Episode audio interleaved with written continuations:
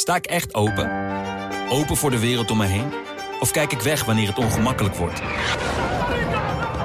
Luister ik naar elke stem of sluit ik me af voor het geluid dat me uitdaagt? Met de Volkskrant voel ik me verzekerd van een open vizier op de wereld om me heen. Open je wereld.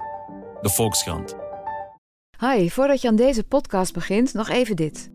Ik ben Corine Kolen en samen met Mona de Brouwer en de Volkskrant maak ik een nieuwe podcast, genaamd Moderne Liefde.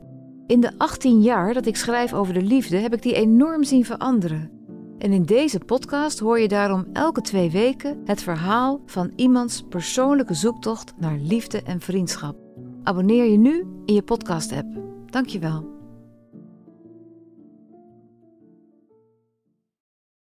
Hallo, mijn naam is Gijs Groenteman. Ik zit in een archiefkast op de redactie van de Volkskrant te wachten op mijn gast. Ik ga hem zo meteen ophalen beneden, hoop ik, uh, dat hij komt. Uh, hij heeft net een nieuw boek uit, een film met Sofia heet het. Um, hij is een bestseller-auteur sinds zijn 55ste. Daarvoor had hij ook al heel wat geschreven. Maar nog nooit een groot publiek succes. Op zijn 50ste, 55ste kwam dat wel met het boek Het Diner. Uh, toen was hij al overigens een gevierd man, want beroemd tv-maker. Een van de drie vaste makers en pers van en personages in het programma Jiskevet was hij. Um, we gaan het allemaal over hebben, denk ik, weet ik niet. Sowieso over zijn nieuwe boek. Uh, luister naar mijn gesprek met Herman Koch. Zo Herman. Ja. Hoe vind je het als je een nieuwe boek hier ligt? Ja, het ziet er ongelezen uit, maar komt omdat ik de digitale editie heb gelezen. Oké. Okay. Zeg ik er meteen maar. Is dat eigenlijk als je geïnterviewd wordt, dat je meteen kijkt of de, of de rug gevouwen is in het exemplaar van de interviewer? Of nee, niet? nee, nee? Let, ik, let ik echt niet op. Oh nee? Nee. Dat boeit je helemaal niet? N nou ja, dan denk ik misschien heeft iemand het heel netjes gelezen en uh, is hij niet gevouwen.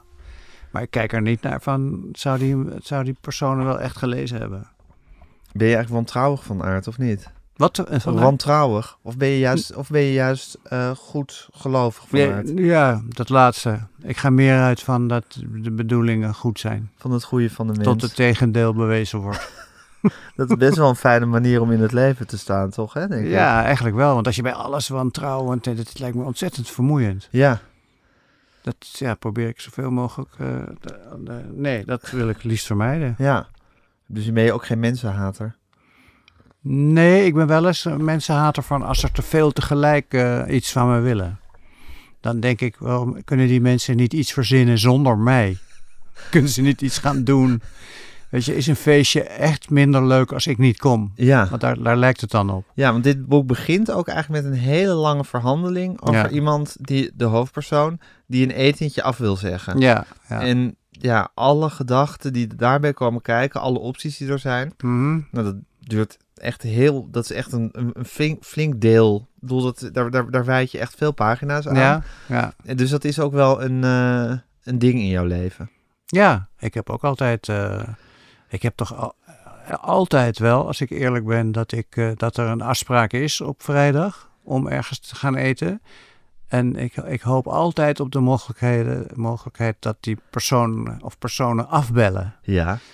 En eh, ik heb zelf ook altijd een neiging om af te bellen. Want het, is, het is- het gaat helemaal niet om dat ik het leuk, niet leuk vind om mensen te zien. Dat vind ik vaak wel. En als het dan eenmaal, als het eenmaal doorgaat, heb ik ook echt plezier. Ja. En denk ik, zit ik niet op de klok te kijken van wanneer mogen we naar huis. En ik probeer ook af te spreken met mensen die ik leuk vind. Ja. En dat dat dan ook wederzijds is. Dus dan heb je die, die probleem ook niet. Heb je Nee. ook niet het probleem trouwens. Dat je zegt, eh, jongens, het is eh, weliswaar pas negen uur, maar ik ben een beetje moe vandaag. Ik breid er een eind aan. En soms zie je dan ook de opluchting bij die ander ja. ook. Die dat was oh, heel fijn met de avondklok. Want als, Nou je, ja. als je dan afsprak, dan moest, moest gewoon om half tien of negen uur zoiets. Dan, Ja. moest, dan moest het echt afgerond Ja. worden, want dan moest iedereen naar huis. Want anders, anders eh, anders moest je, moesten ze blijven slapen. Ja. En dat was ook niet de bedoeling. ik ken ook veel mensen van, veel, een aantal mensen van restaurants en zo, die daar ook zo van genoten. En dat niet, niet openlijk durfden te zeggen. Ja. Ze dachten straks, toen was het op een gegeven moment tien uur, maar dat je gewoon kan denken. Vroeger zaten we hier tot één uur s'nachts nog met de afwasmachine en na te borrelen. ja, En nu gaan die mensen om tien uur, kunnen we ze gewoon Heerlijk. wegsturen. Zeggen, u Ja. moet weg. Maar Herman, dat is toch een wonderlijk eh, iets in het sociale verkeer. Dat je dus inderdaad je zegt van, ik, wil, ik, ik spreek af, want ik wil ook gewoon wel daadwerkelijk afspreken met mensen. Mm. Bovendien spreek ik af met mensen die ik leuk vind. Dus het is heus niet zo dat het, dat het per, per, per definitie een marteling is die je moet ondergaan. Mm. En toch is het dan, als het puntje bij paaltje komt, denk je, laat me maar, werd het maar afgezegd. Ik ken ook iemand die inderdaad die, die niks heerlijkers vindt dan afspraken die afgezegd worden. Ja. Wat, wat, wat, wat is het toch voor een rare kronkel in je geest dat, dat je dan, je kan die afspraken dus ook allemaal niet maken. Maar zo werkt het dan ook weer niet. Nee, want je hebt toch wel het idee in het, in het hele sociale verkeer en in vriendschappen en zo. Wil je wel echt mensen zien, maar dat is iets anders dan dat je op een bepaalde donderdag iemand zegt: "Zo, Ik vind het heel erg, maar het komt toch niet zo goed uit. En dat ik denk, dus opeens gaapt dan die, die leegte van die avond. Van mogelijkheden. Van mogelijkheden. En Ja. voor sommige mensen is het echt een leeg. Die denken, oh mijn god, wat nu? En ik, ik denk opeens, oh, een vrije avond. ja, En hoe korter, er, hoe korter erop, hoe groter het eh genoegen. ja, maar het is dus eigenlijk vooral bevochten vrijheid die, die lekker is. Het is niet leegte die er, die er gewoon toch al was. De leegte Mm. van niks. Het is, het is leegte van iets wat net nog gevuld was. Ja, Ja. dat is het eigenlijk. Want natuurlijk, eh, ik ben ook niet zo'n persoon die nou zijn hele agenda vult met afspraken. En zelfs als ik dan moet, ik, ik zou het liefste met alle vrienden eh, willen dat je kan zeggen dat je nu, hè, is het eh één uur 's middags, dat je die, die vrienden om twee uur kan bellen. Zeggen ze vanavond wat gaan eten ergens. Ja, En dat is in het sociale verkeer in Nederland, meer dan in bijvoorbeeld Spanje, waar Ja. ik ook grote, is dat bijzonder lastig. Want Ja. mensen hebben altijd wat. ja, er moet altijd eigenlijk weken vooruit gepland Ja, worden. en dat vind ik iets, eh, iets heel vervelends. Ik, ik ga ook nooit, ik, ik mijd ook restaurants waar je weken van tevoren moet reserveren. Alleen als het op dezelfde dag kan. Ja, want je wil eigenlijk gewoon altijd ad hoc kunnen beslissen waar, je, waar je eigenlijk zin in hebt. Ja, op het Ja. moment zelf en niet zo'n eh, vaste afspraak. Ja, Ik heb met een paar vrienden die afspraak van, nou morgen in principe een biertje. Maar we zien wel, we Ja. bellen nog wel. Of het dan om morgen nog steeds zo'n goed idee is. ja. Waar moet een vriendschap bij jou eigenlijk aan voldoen? Wie zijn je, wat, wat, wat, wat voor mensen zijn jouw vrienden? Ja, wat voor mensen. Weet ik niet. Ja. Ja. Het is moeilijk om ze te, Is- precies te definiëren allemaal bij elkaar. Maar Heb je hele hechte vriendschappen? ja, zeker. En ook soms eh, vaak van heel lang ook. En dat eh, die gewoon blijven. Maar dan met lang bedoel ik vriendschappen van 50 tot 40 jaar of zo. Dus van, de, van mijn zevende vriend. Ik heb een goede vriendschap van mijn zevende. Met Michiel Romein. Ja. Zo lang kennen we elkaar. En, eh, en, en heel veel mensen van de middelbare school toen we allemaal 15 waren. Ja. Dus reken maar uit. Ik kan het zelf niet eens zo snel uitrekenen, maar dat, ook best lang. Hoe oud ben je? Ik ben net 68 geworden Ja. eergisteren. Ja, dus met, met Michiel ben je dus al eh, ruim 61 jaar bevriend. Ja. Ja, Oh, je bent net jarig geweest. ja net. Hoe was dat?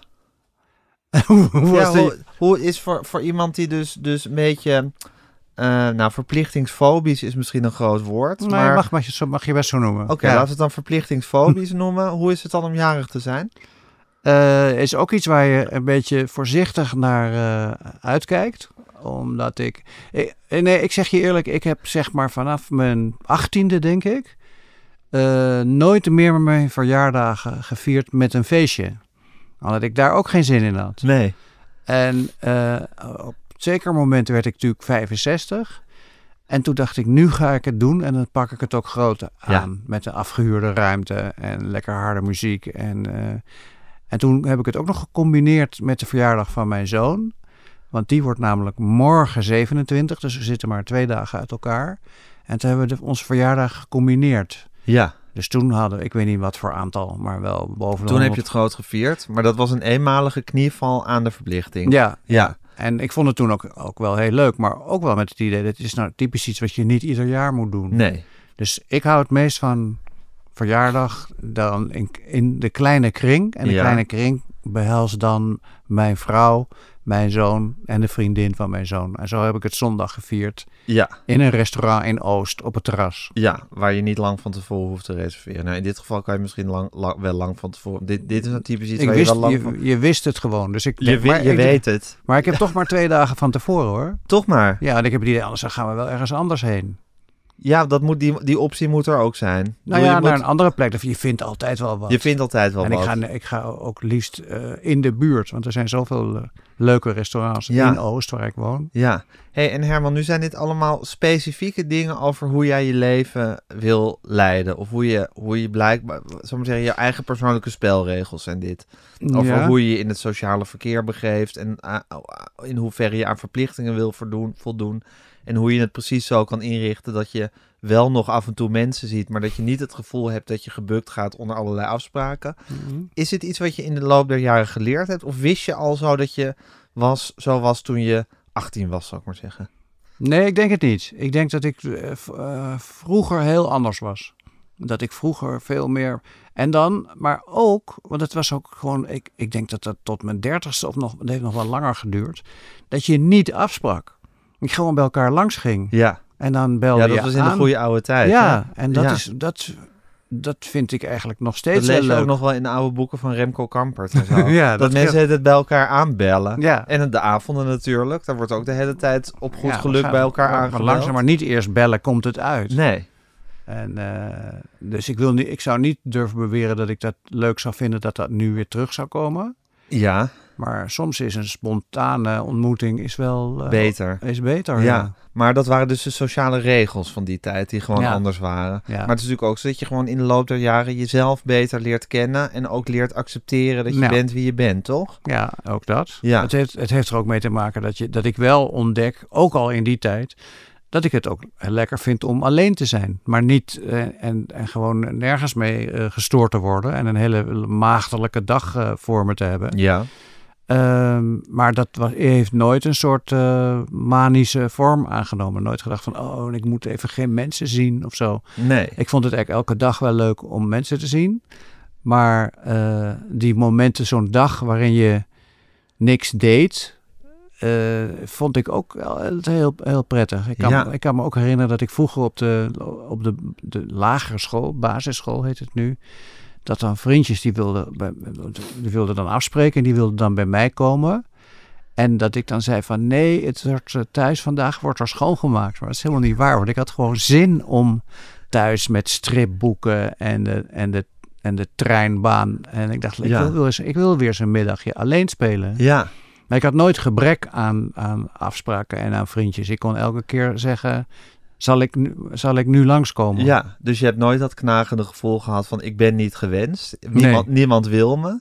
Nee, nee. Nee. Maar goed, dat is ook wat je dus in het begin zei van dat gevoel dat, mensen dat, dat allemaal mensen dingen van je moeten. Eh, en kunnen, kunnen ze niet zonder mij iets leuks, eh, iets leuks verzinnen. Ja, Ja, ja. dat had je dus eigenlijk op de lagere school had je dat ook al. Ja, een beetje Ja. wel. Nou, niet dat ik het. Toen zou ik het niet zo verwoorden, maar gewoon dat ik dacht: ik moet iets, ik moet iets verzinnen, zodat er niemand met mij mee naar huis gaat. Ja, dus het is een soort, soort, soort, eh, want je bent natuurlijk wel heel productief geweest in je leven. Je hebt wel, eh, Hm. je hebt heel veel gemaakt en gedaan. Dus je, je bent niet een soort, soort lethargische figuur. Mhm. Dus het is een soort, het moet een soort ehm, gevecht zijn tussen toch een soort lethargie en, en kluizenaarachtig gedrag. En tegelijkertijd ook productiviteit. Ja? En ook naar buiten. Want je bent ook weer niet, je bent ook geen antisociaal iemand, denk Nee, ik. helemaal niet. Nee. Dat is het niet. Nee. Nee. Maar het is, het is het een beetje, beetje schipperen tussen deze twee, eh, Ja. twee uitersten. Een, En, een evenwicht tussen mensen zien en, en, en alleen zijn. en alleen zijn. En luieren en dingen maken. Ja, luieren. En luieren is ook, eh, ook vaak echt luieren. Dat je denkt op de bank eh, liggen. En niet een... eh, een Ik heb ook wel eens gelezen dat je altijd dat je alles schrijft liggend op de bank, toch? nou, dat is een... of was dat dat zijn- een fabeltje? Het is geen fabeltje, maar ik heb hele periode. Ik heb bijvoorbeeld hele boeken wel liggend geschreven. En op een bepaald moment dacht ik, nou, nee, ik ga nu weer aan een tafel zitten. Dus bij elk boek hoort weer iets, een andere stemming. Maar eh, ik kan me bij dit, dit boek eigenlijk niet herinneren wat, of dat nou voor. Maar het, het kan li- liggen met een laptop, kan altijd. Maar ik zit tegenwoordig weer, ook vanwege het uitzicht, zit ik liever aan een tafel. Dat Zit je een mooi uitzicht hebt aan de keukentafel en een beetje naar buiten staren. Ja. Ik heb ook niet een werkkamer. Ik zit gewoon midden in huis. Ja. Vind ik ook lekker. Ja, want in, bij een werkkamer dan ben je echt altijd zo aan het werken. Hè? Dat Ja, Het is altijd lekker om het gevoel te hebben dat je werk een beetje tussen de bedrijven doordoet. Ja. Tenminste, dat vind ik. Ja, nee, Ja. Dat, is, ook- dat is ook zo. Ja. Dat moet niet zo die serieuze iets krijgen van... eh, nu moet iedereen buiten eh, op zijn koude voeten gaan lopen. Want eh, het grote genie is, Is aan het werk. zijn volgende toverberg aan het schrijven. Ja, ja, en vooral ook dat je, dat, je, dat je dan zo zelf het gevoel hebt van nu moet het gaan gebeuren. Ook. Als je achter zo'n heel groot bureau gaat zitten in, zo'n, in, zo'n, in een geheel afgesloten kamer Ja. waarin je je alleen maar kan concentreren, Ja, ja, dan moet het ook gebeuren. ja, en dan nog, nog erger als mensen dan zo'n kamer gehuurd hebben. Weet je wel, buitenshuis. En dan Ja. denken, daar gaat het wel lukken. Ja, dat lijkt me ook zoiets en dan, onmogelijk. En dan in het kwadraat is het nog dat mensen denken, we ne- ik neem een sabbatical. Ja, en dan ga je en in dat, in jaar. ga je in Noord-Spanje zitten in een verlaten villa. Ja, En dan denk je, nu gaat het gebeuren, dat Ja. boek. En als het dan niet gebeurt, dan is het echt wel echt duidelijk dat je thuis had moeten blijven. ja, gewoon. ja, of überhaupt een schrijfweek of zo. Dat lijkt me ook altijd al iets Oh, verschrikkelijks. dat je weet dat je je terug gaat trekken en dat je dan... Ja. de- ja. Ja, dat zijn toch allemaal dingen die je moet leren, Herman, in het leven. Hoe je het zelf het best kan functioneren. Ja, ja. Heb je daar ooit over in de rats gezeten dat je, het, dat je het niet wist? Dat je dacht, hoe komt er ooit iets uit mij? Of is dat altijd wel een soort natuurlijk proces geweest dat er gewoon... dat je productie gedraaid hebt? Mm, nee, ik maakte me wel zorgen. Of eh, in het begin, dan het zo, dat is vanaf mijn achttiende tot mijn dertigste, dat ik dacht, doe ik wel genoeg? Kan het, kan het niet meer? En wat ik dan ging doen is, eh, Wilde je schrijver worden? Was dat het? ja, Ja. ja. dat wel. Er zijn natuurlijk allerlei zijpaden bewandeld inmiddels, wat ook alleen maar leuk was. Maar dat was toch, het schrijven was het hoofddoel. Ja. En dan merkte ik eh, dat ik na anderhalf uur schrijven eigenlijk wel aardig eh, moe begon te worden. En dan dacht ik, ja, dat is toch heel raar. En dan de rest van de dag. En dan ging ik, dan ging ik door. Nou, ik had ook eh, wel in, ik las natuurlijk veel eh, biografieën ook en dagboeken en brieven van grote schrijvers. En die gingen toch wel stug door. En dat ging ik dan ook proberen. En dan merkte ik gewoon dat na die anderhalf uur werd het allemaal heel slecht. En dat heeft, het heeft lang geduurd tot ik tot dat inzicht kwam. Dat Ja. ik dacht, het is blijkbaar zo Ja. dat je een hele korte tijd geconcentreerd bent. En ik heb wel, ik moet op mijn eerste echt roman, korte roman, Mont Rettans Maria Montanelli, heb ik dat dode punt dan overwonnen door gewoon wat in te schenken, zo rond een uur of één. Dan, Ben je jezelf een beetje gaan benevelen? Ja, Ja. en dat hielp ook. Zoals in Maar- de film Druk. Ja, heb ik net gisteren gezien? gezien. Gisteren. Ik ook. Nou, ik eergisteren. Oh ja, Ja. leuk hè? Voor, of voor je heb je bezwaren? Ik had geen bezwaar, maar ik vond hem ook heel deprimerend. Oh ja. Maar dat komt dat hij eh, gaat over de leeftijd waarin ik nu zit ongeveer. Eh, mensen met die leeftijd. Ja, Dus, eh, dus voor mij is het misschien confronterend. Jij bent dat misschien al voorbij. dat weet ik niet. Nee, maar ik vond het. Ik had het vanochtend met mijn vrouw hadden het over. We waren met z'n tweeën. Zeiden we zo. Want je hebt het. Ik hou er erg van om het niet te veel over een film te hebben. Als je hem net gezien hebt. Je zegt gewoon. dat is was lekker, hè? Was Ja. goed, hè? Was wel, wel oké. Dan denk je, is dit nou een lichte waarschuwing toch tegen hoe het mis kan gaan met alcohol? Of is het gewoon echt die, die eh, niet politiek co- correcte film die zegt, kom op jongens, Drink in Drinken. geniet ervan. Ja. Eh, Weet Ja. jij het antwoord? ik weet het antwoord niet. Nou, ik geloof dat Thomas Winterberg, de regisseur, eh, toch dat, dat laatste aanhangt. Maar ik zag het eigenlijk vooral als een film over de midlife crisis en eh, hoe je in godsnaam weer wat, eh, wat leven in je eigen vastgeroeste zelf eh, ja, ja, ja. kan schoppen. Mhm. En of dat nou door drank is of door een, door een andere manier om jezelf, Mhm. om jezelf weer wat levenslust te geven. Dat vind ik eigenlijk meer een vehikel. Of tenminste meer, meer een symptoom van het, het probleem dat je op een gegeven moment denkt... Ja, daar zit ik dan voor mijn schoolklas voor de zoveelste keer hetzelfde lesje af te draaien. Ja. En waarom in godsnaam? Ja, nee, Ja. Dat, dat, dat sprak er wel heel duidelijk uit. Ja, dus... En, ehm, en, en het is, het is eh, ik geloof er echt in. Ik geloof dat het waar is dat je creatiever wordt van alcohol. van alcohol. Van een matig ja, want je hebt dat dus zelf ook eh, ondervonden. Ja. Want bij Maria Montanelli dacht je gewoon... Dan was je op een gegeven moment had je die anderhalf uur gehad. Mhm. Die anderhalf uur dat je goed kan presteren. ja. En dan ging je er een, bodempje drank eh, Ja. inleggen. ja, of thuis. Of ik ging naar een café met een bloknoot in Barcelona. En dan eh, bestelde ik een Gota B con hielo. Een, een GMB met, met ijs. En, Ja. en dan eh, schreef ik eh, nog een heel hoofdstuk met de hand. En dan eh, neem, nam ik nog een tweede. Ja. En die kwam er op een bepaald moment wel vaak. En toen vroeg de eigenaar van het, een oudere man, eigenaar van het café, vroeg op een gegeven moment, en gaat het goed met de studie? Ik zei, ja, gaat behoorlijk goed. Terwijl hij nog helemaal niet wist dat er een, plaquette op dat café zou komen van dat hier jij hier schreef. ooit Ja. je eerste roman had geschreven. Ja. Ja. Mooi is dat, hè, dat hij er nu is. Ja. en, en, en Herman, ehm, eh, dan wat bleek het geen rommel te zijn die je geschreven had in Nou, lichte dronkenschap. Nou, dat is de, de, de, hamvraag Want daar hebben, natuurlijk. mu- hebben muzikanten het vaak over, toch? Dat ze dan stoned allemaal meesterwerk aan het opnemen zijn. Mm. En dan blijkt het de volgende dag blijkt het allemaal shit eh, te zijn. Ja, maar niet allemaal volgens mij. Er zijn er ook wel die denken, het, het lukt mij gewoon, zeg maar de Charlie Parkers van deze wereld. Ja, Konden toch met een beetje heroïne, kwamen ze beter in de moed dan Ja. eh, nuchter. ja. En eh, nee, bij mij was het zo, ik, ik ken natuurlijk ook dat verhaal, dat een schrijver zegt, ja, ja, dan had ik wat gedronken en dan schreef ik wat en dan vond ik het geniaal. ja. En de volgende dag moest ik het weggooien, want het was flauwekul. Maar ik las het las over wat ik die met een aanges. Ik, ik bedoel ook echt niet dronken. Hè? Ik bedoel dus Ja, twee precies. Flinke eigenlijk Precies whiskies. waar het in het begin van de film druk over Juist. gaat. Dat, ze zo, dat je zo net zo'n Ja. randje eh, alcohol in, Ja. je, in je leven brengt.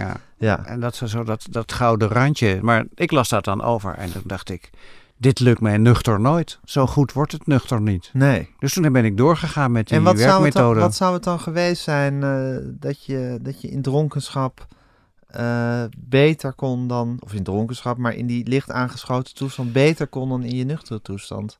Ja, ik denk dat het is dat, eh, dat ook als je in een, in, een, in een club staat, of noem maar, zeg maar gewoon bij de, in de disco in de jaren, dat je dan denkt, daar staan twee hele leuke meisjes aan de bar.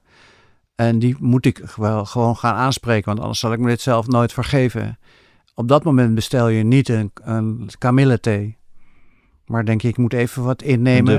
Waardoor ik ietsje ongeremder uit de hoek kan komen Ja. zonder dat het vervelend wordt. Ja, En ik denk dat dat ongeremde, dat ik dat zeker voor de eerste roman en ook vanwege het onderwerp, en dat ik dacht, dat heb, had ik gewoon nodig om me ergens overheen te zetten. Om niet, ja want er was dus toch een remming om, om te schrijven wat je moest schrijven. ja, ja.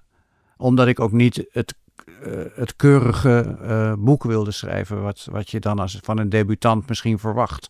Dat iedereen zegt van, god, dat is wel heel bijzonder hoe die hoofdpersoon dan, dat wilde ik niet. Ik wilde gewoon iets over mezelf en iets heel persoonlijks schrijven. En ik denk dat ik daar moeite mee had, zowel om erover te, over te praten als erover te schrijven. Dus een Waarom soort, had je daar moeite mee?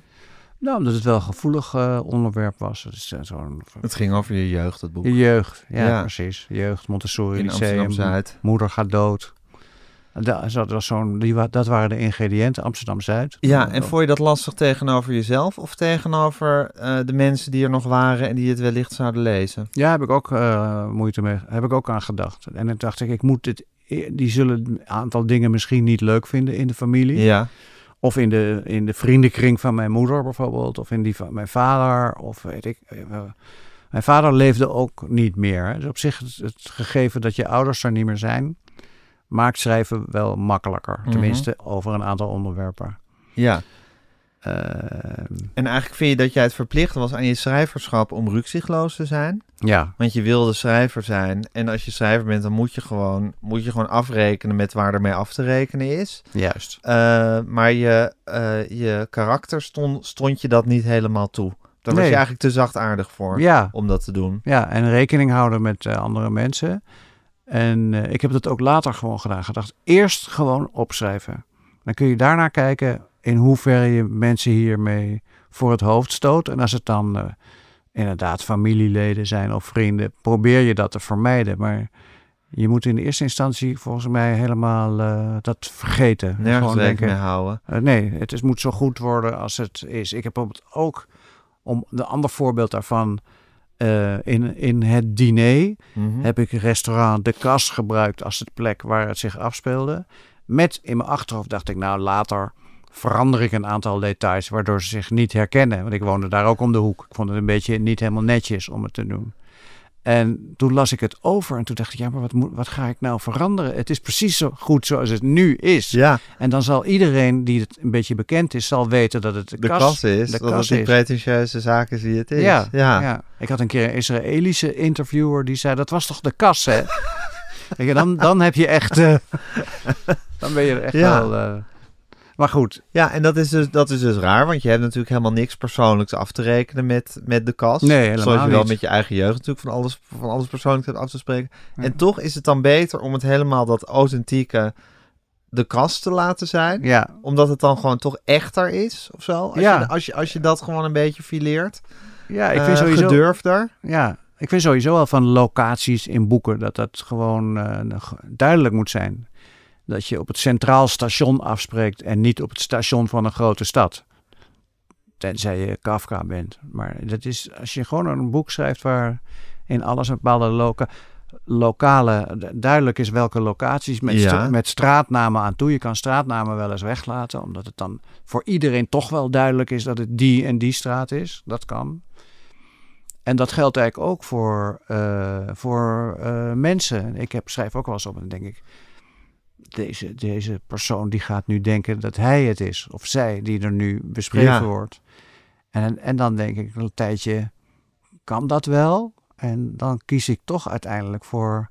Ja, maar het is gewoon beter zo. Ook al, ook al zal diegene zichzelf misschien herkennen. Ja, maar dus ook zoals het, het, het antisociale en het sociale en het. En het, eh, het nou goed, maar dat, dat is eigenlijk ook weer een soort eh, strijd die je de hele tijd in jezelf. Of tenminste, dat zijn twee kanten in jezelf. Dat je eigenlijk eh, misschien terughoudend en eh, prudent daarin bent, Ja. maar vindt dat je dat moet doorbreken. Ja, zeker in, in, in schrijven. Het is ook wat.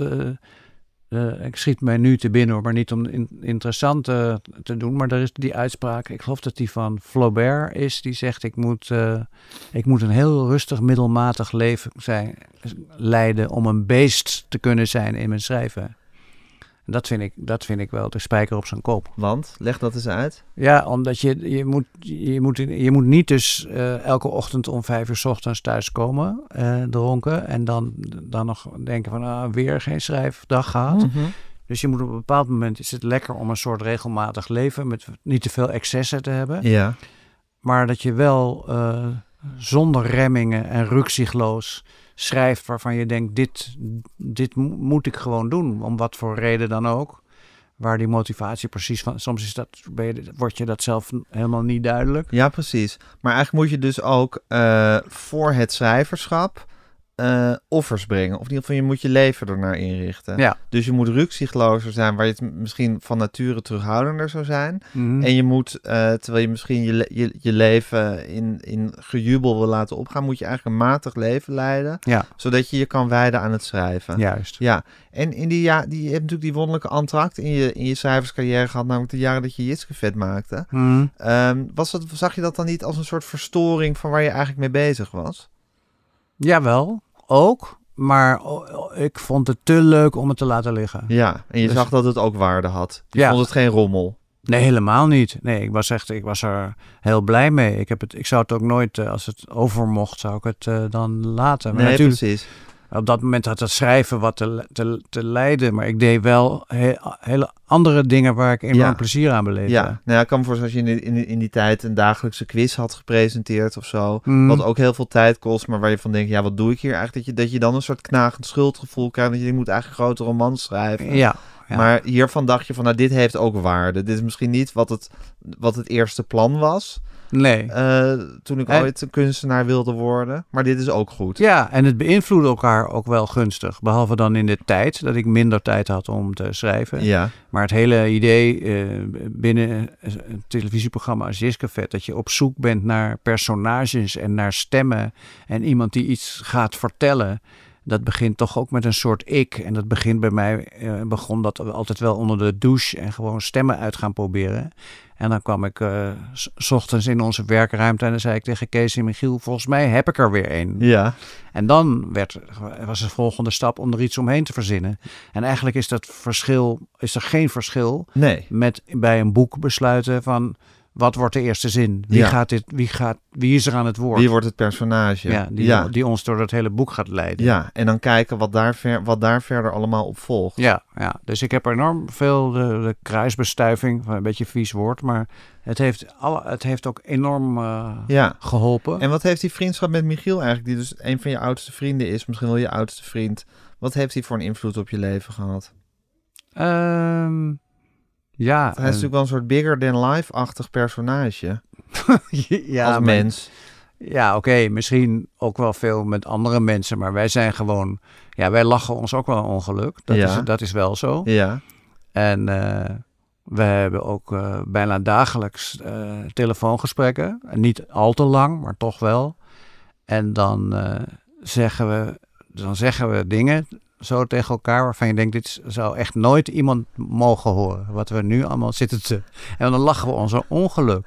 Gewoon dat je denkt van ja, alles wat echt niet kan, dat Ja. hebben wij inmiddels wel uitgesproken. En wat je ook niet kan gebruiken voor een boek en ook niet kan gebruiken voor een sketch. En dat zijn niet dingen over elkaar, maar gewoon over wat jullie observeren om wat we observeren gewoon- en ook over, over andere mensen. Even, even analyseren hoe, waarom die en die persoon nou niet helemaal spoort of niet helemaal lekker gaat. Ja, En, eh, en dat. Maar goed, de, de, de, de vriendschap is vooral dat. Dat, dat eh, eh, klankenbord en het vertrouwen. elke dag even bellen en even doornemen. Ja, nou, Michiel belt iets vaker dan ik. Ik heb de hele tijd, denk ik, ik, wil hem, ik moet hem nou eens bellen als eerste. Maar hij is me altijd voor. Dus als ik, te- als er, te- er zit wel eens drie dagen tussen hoor. Ja, En, maar, maar, niet twee weken. Nee, nee, nee. Nee. Dat is on- ondenkbaar. En dan daarna spreken we dan af op een, op een terrasje en gaan we een biertje en dan gaan we alles ook nog eens doornemen. Dat is dan Weer leuker dan een telefoongesprek. Maar ik moet zeggen dat Michiel een bepaalde energie heeft waar ik altijd een goed humeur van krijg. Ja, En ik geloof dat dat omgekeerd ook wel werkt. Dat hij ook wel van mij een, een goed humeur krijgt. Omdat ik ook wel soms kan zeggen: Ja, nee, maar volgens mij moet je dat ook niet zo doen. Dat is beter als je. Omdat ik hem zo goed ken dat ik denk: Ik kan ook wel eh, raad geven, ook al doet hij er niks mee. ja. Eh, en dat geef je hem ook, die raad. Ja, ja. En ja. is hij een rukzichtloos iemand, rukzichtloos iemand in het, in het dagelijks leven? Of vind je hem... eh, Mm. Michiel heeft zelf net een boek uit, hè? Ja. Een, biografie. ja. Heb je die is- gelezen? Ja, heb ik gelezen. Wat is dat voor een boek? ja, dat is, ja, dat is eigenlijk een heel eh, eh, fijn boek. Het heeft ik in het begin heeft het allemaal wat moeite gekost om de juiste toon te vinden. Eh, maar daarna, die is uiteindelijk heel duidelijk gevonden. En het is een soort schelmenroman of een jongensboek. En nou ja, alles staat erin. Ook zijn, zijn vroegste jeugd, waarvan ik niet eens zoveel weet, omdat we dat op een gegeven moment van elkaar aannemen dat we dat toch wel weten. Ja, dus dat Ik- ga je niet heel lang Ik, zitten bevragen nee, ik ga daarover. hem ook niet nu nog, nu nog steeds anekdotes over mijn moeder vertellen van 40 jaar geleden. Nee. Dus eh, ja, ik vind het een heel leuk boek. Het sprankelt aan alle kanten. Maar in, de- in, ergens in dat boek staat, staat de zin, omdat, je, omdat jij dat net Ja. Daar sch- zegt Michiel, ja, ik krijg altijd de, de schuld, maar Herman is eigenlijk veel erger dan ik. Nou ja, dat denk ik van, daar kan iets van, eh, van kloppen. Omdat ik, Michiel heeft de, de uitstraling van, nou, ik ben toch al, hè, zijn postuur, alles bij elkaar. Ja, maar ook zijn hele wezen. Ja, ik dat ben wel eens op een begrafenis geweest en dan eh, ging je een hele act doen over ja, de speeches die er net waren geweest, zou ik maar zeggen. Ja, Heel erg grappig. ja. Hij is altijd heel grappig, tenminste. ja Keren dat ik hem heb meegemaakt, vind ik hem altijd heel grappig. Ja, Maar ook zo iemand die dat altijd gewoon is. ja. Ja, ja dus staat, hij staat altijd aan. ja, Dat zegt hij volgens mij ook over zichzelf. Ik, ik sta altijd aan. ja, En ik, ik sta denk ik niet altijd aan. Nee. Ik, heb ook, ik ben ook wel eens helemaal dat als mensen mij zien, op, eh, eh, eh, die dan wel eens vragen, gaat het wel goed met je? Waarmee ze dus bedoelen, je bent zo stil. ja, Dan zou er iets zijn. ja, Maar ik vind het soms lekker om ook even stil te zijn. ja. Jullie uitstraling is totaal anders, inderdaad. Ja, Maar jullie begrijpen elkaar dus wel precies. ja, Ja. Dat, dat is het eigenlijk. En omdat ik meer, meer dan Michiel, zonder nou iets misschien... eh, kijk, als mensen ons niet, niet kennen, zou je inderdaad van Michiel eerder denken dat die de lach aan zijn kont heeft, wat ook zo is. En dat ik eh, die man ben van eh, de debiteuren die net van kantoor komt. Ja, Gewoon qua uiterlijk. ja, En dat, dat, dat maakt het zo leuk. Ik bedoel, de, de leukste dingen, dat staat ook in dat boek hoor. Maar is dat, ik fiets een eindje voor Mich- Michiel uit en dan komen we door de Staalstraat en dan begint hij opeens te schelden. Maar heel erg zo van, godverdomme scheid je met je dit en dat. En dan zie je mensen door die, hij doet het ook keihard. En dan zie je door de toon van die stem dat er mensen zo heel snel de stoep opgaan of in een portiek en denken, oh, daar komt echt, hier komt echt trouble aan. Ja. En ja, het is bij mij een gevoelige plek. En ik krijg dan helemaal de slappe lach. En dan het enige wat je dan hoopt, dat ze misschien met zonnebril op en pe- dat ze ons niet meteen herkennen. Het zijn natuurlijk ook eh, tegenwoordig vaak toeristen in de stad die alleen maar aan de toon horen van Ja. hier, hier komt Hier een... komt een gevaarlijke gek aan. Ja, Ja, en ja, waarom is dat nou zo leuk? Ja, ik weet het niet. Als ik er al nu alleen al aan denk, dan moet ik er al eh, moet ik daarom lachen. En hij weet precies hoe hij mij aan het lachen moet krijgen. En ik kan het bij hem ook wel. Ik kan bij hem met een soort droogkloterige manier iets zeggen. ja, Als we iets samen moeten spelen. We hebben onlangs iets samen gespeeld in zijn nieuwe programma eh, Tracks. ja. Heb jij er iets van gezien? Nee. Nee, nou dat is dan. En heb ik ook weer mee, heb ik een, een paar kleine rollen meegedaan. En ik, ik had al honderd jaar niet meer zoiets gedaan voor mijn gevoel. Dus ik zat in een, in een, in een ruimte. Een man die oude telefoons verkocht, versleuteltelefoons. En hij een gangster die zo'n versleutelde telefoon moet hebben. En ik sta tegenover Michiel en die kijkt mij aan. Die zegt dan, heb jij die telefoons? eh?" en ik denk, ja, ja, ja, ja, ik, ik zal even kijken. En toen dacht ik, dat was het. Dat is wat we deden. We probeerden elkaar aan het lachen te Dat krijgen. was gewoon wat zodat de Jiske soort- vet ook was. Ja, zodat de scène over moest. Ja. Zodat het niet meer... Te gebruiken was. Ja, en, ja. en dat, dat eh, als, als het mij dat dan lukt, ik zie het al aan Michiel, die krijgt dan zo'n hele nerveuze blik. En die zei, ja, ik, ik moet straks moet ik gier- gaan gieren van het lachen. Ja. En dan doe ik er nog een schepje bovenop. Ja, maar dat was eigenlijk de essentie van Jiske Vet, van wat jullie samen maakten, is dat jullie elkaar aan het lachen Ja. probeerden te maken. Hm. En wat was Kees zijn rol daar dan bij? Dezelfde. Dezelfde. Ook, ja, hij, was ook, hij, was, eh, hij kon dat zelf ook. Hij wist ook wel precies welke dingen die dan eh doen. Maar hij was zelf ook wel erg... eh, je, het was erg makkelijk om hem eh, met onzin aan het lachen te krijgen. Oké, En dat hij echt Kees was een heel makkelijk slachtoffer. Ja, ja, of hij nou het makkelijkste of het slachtoffer was, dat weet ik niet. Nee, maar, Maar- nee, ma- nee, makkelijk om aan het lachen te maken. ja, maar ja. er waren dan als... eh, als ik een inter zoals wij nu zitten, Ja. dan deed ik een interview. Dan was Kees een keurige interviewer. En dan was ik een soort, ik weet niet eens meer precies de scène, was ik een keurige bioloog. ja. En dan zei ik, nou hier zit het, eh, er zit een torhaantje zit er in dit potje, gaan we hem zo eruit halen. En dan zei Kees, en wat zegt het torhaantje dan? En dan zei ik, hij zegt eigenlijk voornamelijk tw- tweet, tweet, tweet, tweet, tweet. En dan wist ik gewoon, als ik nog even doorging, dan moest die scène over. Ja. En dan dat ging het hield hij dan om. niet met dat tweet, Ja. tweet, tweet. Ja, waarom? Dat kan. Dat is dan zijn gevoelige plek. Ja, zo ging dat. Ja, Wonderlijk eigenlijk, hè, dat jullie daar zoveel succes mee hebben gehad. ja Dat, moet we toch een krankzinnig avontuur geweest Ja, zijn? dat was het ook. Het was ook echt zo, zo toen we er langzaam mee op wilden houden, was het echt de reden dat je denkt van nou, zoveel dingen kunnen we niet meer om lachen. En we, gaan- en we kunnen, je, je kon dingen ook niet langer eh, blijven voortzetten als we er zelf niet meer om moesten lachen. Dus Nee. laten we zeggen dat dat kantoor, dat ging, Ja. hield het nog aardig uit. Die Lullo's was al iets sneller op, Ja. niet qua the- thema's hoor. Dat was Nee. natuurlijk meer dan genoeg. Maar gewoon dat, je, dat jullie elkaar niet meer aan het lachen konden dat, maken. Dat we het alleen nog deden, maar dan deden we onszelf na als een, eh, een soort onbeschofte Ja. lullo. En toen kwam bijvoorbeeld Tampert, kan ik me herinneren. Ja, Als je die weet, zo'n zeker. man. En dat, daar werden we helemaal gek van de slappe lach. Die zijn, dit moesten tien keer over. En dat duurde eigenlijk maar vijf afleveringen. En toen dachten we, ja, nu moeten we niet meer lachen. ja, Dus is het effect weg. Ja. En dan, ga- dan zullen andere mensen wellicht Jezus. ook niet meer lachen. nee, dat, maar dat staat zo ver van af van, zou ik maar zeggen, professionele kleinkunst. Waarin je gewoon ja, een rol aan het spelen bent en Ja. dat zo goed mogelijk doet. En dan ook nog avond in, avond uit. En dan avond in, avond uit. Maar Ja. dit zijn gewoon puur eigenlijk twee ja, jeugdvrienden. Ja. Plus nog eh, wat aan was. Mhm. In de vorm van Kees. En wie er verder nog meespeelde. Ja. En die elkaar aan het lachen aan het maken zijn. Ja. Op wat voor manier dan ook. En ook als ze met z'n drieën aan het verzinnen waren, dan verzonnen we soms hele erge dingen. Eh, en dan zeiden we, ja, dan lagen we helemaal dubbel. En zeiden, hoe kunnen we het nou net iets minder erg maken, waardoor het toch nog op tv kan? En eigenlijk is dat wat jij en Michiel nog steeds met elkaar doen. Als jullie elkaar bellen. Eh, ja, nee, niet de hele tijd. Want kijk, de meeste, de meeste tijd hebben we gewoon een normaal gesprek over hoe heb jij en heb je dit en heb je dat. En Ja, behalve dat jullie alles doornemen op een manier die, eigenlijk, die je nooit met iemand anders zou kunnen Ja. delen. Oh, ja, Ja. dat wel. Dus het is wel wat groffer. Mhm. Ja. hey, en Herman, was het daarna moeilijk om weer aan het schrijven te gaan? Of om je weer helemaal aan het schrijven te storten? Of was dat heerlijk?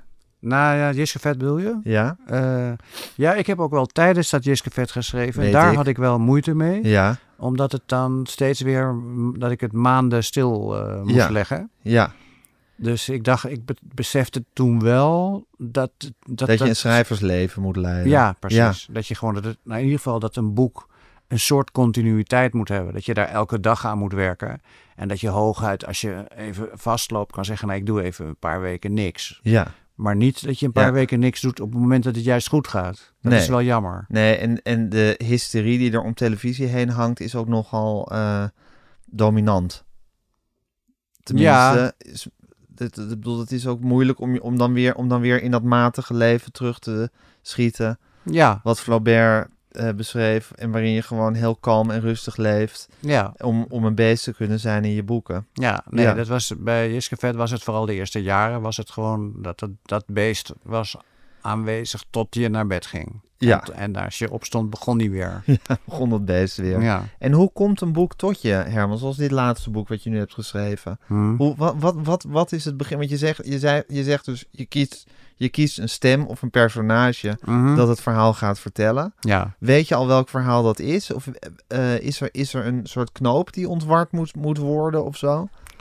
Nee, het is meer dat ik inderdaad, als ik die stem, eh, als ik die stem heb, en dat is vaak door om het alvast op te schrijven. Ja. Eh, ik weet het begin van het boek niet echt uit mijn hoofd, maar het is wel zoiets als: eh, hier ben ik, hier zit ik, hier ga ik voorlopig niet meer weg. ja. Dan denk ik dat en ik, heeft al een- een soort. ik heb een afspraak en die wil ik afzeggen, Ja. maar ik weet niet hoe dat moet. Ja. Ja. En dan zit er een soort ritme en een soort cadans in dat ik denk. mm, ik weet nog heel goed, ik zat met, met dit boek zat ik in onze kamer in ons tijdelijke appartement in Barcelona. En de, de moeder van mijn vrouw van eh, 86, die zat naar Julio Iglesias te luisteren in diezelfde kamer. En ik zat daar gewoon. Dus het, en ik dacht, volgens mij heb ik iets. Ik heb iets. Ik moet het nu doen. Want we zouden een uur later gaan eten. En toen heb ik denk ik de eerste drie pagina's in een uur geschreven van, dat, van dit boek. Nog niet helemaal precies zo. Nee. Kijk, maar wel voor 90 procent. Ja. En op dat moment ben ik, dat eigenlijk het gelukkigste moment. Dan denk ik, dit wordt iets. Dat voel Ja. ik nu al. Dus eh, het, is, het is begonnen, zeg maar. Ja. Dus ik kan nu het komende jaar, minimaal een jaar, misschien wel langer, kan ik me hier met dit boek eh, bezig gaan houden. En dan weet ik echt nog helemaal niets. Een boek is een jaar ongeveer. Een Nou, jaar van verschilt. je leven. Verschilt, maar Verschilt. De diner heb ik 2,5 jaar over gedaan. En eh, er zijn ook meer boeken van 2,5, bijna drie jaar. En deze was een jaar. En, en heb ik toch nog wel weer vorig jaar. Eh, Oké, maar dat is grappig, want je krijgt dus op een moment een soort schrijfdrift of een soort, soort ja, inspiratie, laten we maar even. ja, echt op het moment dat je denkt: ik moet niet dat vanmiddag gaan doen. Ja, Ik moet nu beginnen, want Ja. anders is het weg. Ik Ja. kan wel aantekeningen gaan maken, ja, maar dan sla ik een fase over. Ja. Ik sla die fase eigenlijk over door die aantekeningen niet te maken. ja. En ik, Zoals je, als je wakker wordt dat je een droom nog weet en dat het ook zo weg kan zijn. Ja. En zo voel je ook van dit is het moment dat ik dat moet gaan schrijven. Ja, en ik heb eh, niet losse, dus niet een soort losse aantekeningen met een geniaal idee, maar vast het voorbeeld van de eerste twee of drie pagina's. Ja, en je weet dat uit die eerste twee of drie pagina's, Mhm. zonder dat je nog precies dat hele plot al in je hoofd hebt of, of, of alle nee, karakters. helemaal niet. Ja. Maar je weet dat uit die eerste pagina's dat boek gaat volgen. Ja. Nou, dat is het eigenlijk. Het zit, ik heb het wel eens eerder zo genoemd, maar het DNA van het boek zit in de eerste alinea en in de eerste pagina. En dat is gewoon de, de toon waarop iemand iets vertelt en ook welk probleem hij als eerste als iets belangrijks aankaart. Namelijk dat hij een etentje wil gaan afzeggen en dat hij lekker op de bank ligt. Maar dat hij eigenlijk het liefst alles uit zou willen stellen en niks zou doen. En denk je, ja, dit is goed gegeven. En daarna pas kwam het idee van misschien is het een filmregisseur. Ik had het toch dat stuk, dat eerste stuk had ik al. Ja, En dan begin ik een beetje meer te denken van wat wordt nou de invulling van deze man? ja. Wie is hij? Wat Ja. bezielt hem? Wat is er Ehm, gebeurd? Wat dat, is er gebeurd? dat wist ik toen nog helemaal nog niet. Ik dacht alleen maar dat hij niet, dat hij niet naar. Het is oudejaarsavond hè, in het boek. Ja, Dus hij wil niet naar zo'n etentje met allemaal oude vrienden toe. En toen ik helemaal de filmregisseur had, toen ging het helemaal hard. En, en toen dacht ik opeens, oh ja, maar als hij dan een jonge hoofdrolspeelster heeft, is die misschien bij hem thuis. En dan weten we niet wat er gebeurd is. ja, En dan heb, heb je één hoofdstuk en dan denk je, nou, dit is, het- dit is het startblok, startpunt van het boek. En de rest zal zichzelf wel min of meer vanzelf schrijven. Daar heb je dan vertrouwen in dat dat, dat, dat zich aan je op gaat dringen. Ja, en ook dat je wel, ik maak ook wel fouten. Ik neem wel eens verkeerde afslag en een lange Moet je weer terug. Dan moet ik weer terug waar het, waar het verkeerd ging. Ja, maar een boek schrijven is dus altijd ook een soort eh, zoeken voor jou. Ja, het, is, dus het is niet een, een masterplan en dat dan zo goed mogelijk uitwerken. Het is, het is een, Hm. eh, een, een ingang zien, daarin gaan en dan al op de tast eh, verder naar het einde. Ja, helemaal dat. Helemaal. Want ik zou het ook niet anders kunnen. Ik vind het ook. Ik moet ook zelf de spanning hebben van de volgende dag beginnen.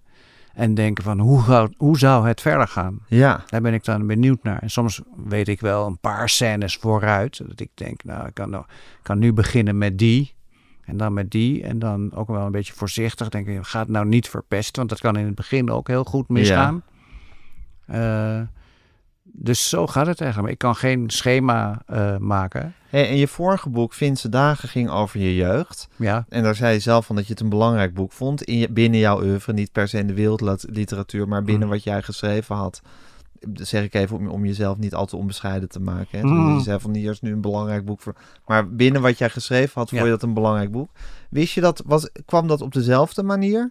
ja, Was het, dat, dat, dat drong zich ook ineens op. eh, dat je over die episode uit je leven, waarin je eh, rond je achttiende geloof ik een tijd in Finland hebt Ja. gewoond. En ja, hout hakte en dat soort dingen. ja. Ik had een keer een kort verhaal geschreven voor Vrij Nederland. Dat heette Finse Dagen. En dat was denk ik zes pagina's of acht of zo. Ja. En dat was al een beetje de inleiding van wat- het latere boek gekomen. Toen ik dat aan het, aan het schrijven was, dat verhaal, toen dacht ik echt, en toen dacht ik nog van, nou, het is leuk om eens een keer wat over dat Finland te Mhm. schrijven. Op, op die toon, Mhm. op die toon van, voor, voor mij was de gouden inval bij dat, dat is ook, dan ben je het zelf. Maar dat de toon van het verhaal is, mensen geloofden mij nooit als ik vertelde dat ik in Finland op een tractor had gezeten en bomen had omgezaagd. Dan denk ik dat jij, Herman. Ja, want jouw onhandigheid is geloof ik legendarisch. Ja, onhandigheid, maar ook alles, postuur. En dat je denkt, Ja. oh, dat is, klopt niet helemaal. Want ik, bovendien, de meeste mensen kenden mij nog van een negentiende. En toen had ik echt ondergewicht en eh, was ik heel dun en zo. En, eh, nou ja, da, da- die combi. En toen ik die inval eenmaal had, dat ik dacht, ik ben iemand die nu toch gaat proberen te bewijzen dat, dat hij dat wel heeft gedaan. Daar had ik het soort toontje voor het hele boek. Want je, die ik is, is ook weer niet helemaal mijzelf ik. Nee.